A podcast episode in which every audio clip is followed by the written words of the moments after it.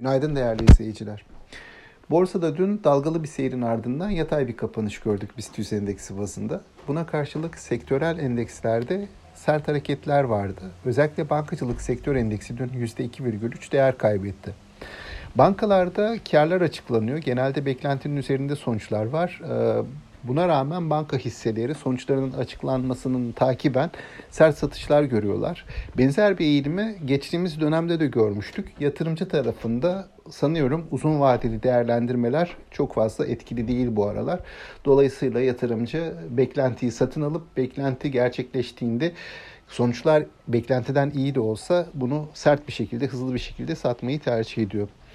Buna karşılık banka hisselerindeki bu satışlara karşılık bazı sektör endekslerinde özellikle altın hisselerinde e, bununla birlikte otomotiv sektörü ve enerji sektöründe nispeten olumlu bir eğilim vardı. Zaten buradaki alımlar endeksi de yatay seviyede tutmayı başardı. Önümüzdeki sürece baktığımızda neler bekleyeceğiz, neler göreceğiz? Bu haftayı tamamlıyoruz artık. Gelecek haftanın gündem maddelerinden birisi enflasyon verisi olacak kuşkusuz.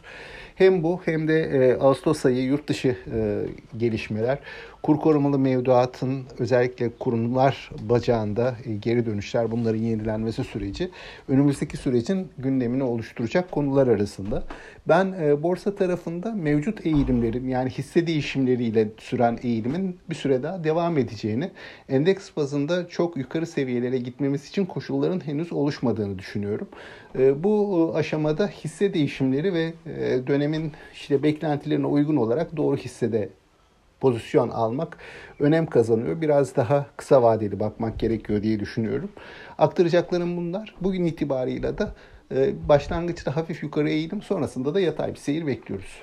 Sağlıklı, bol ve bereketli kazançlı günler dilerim.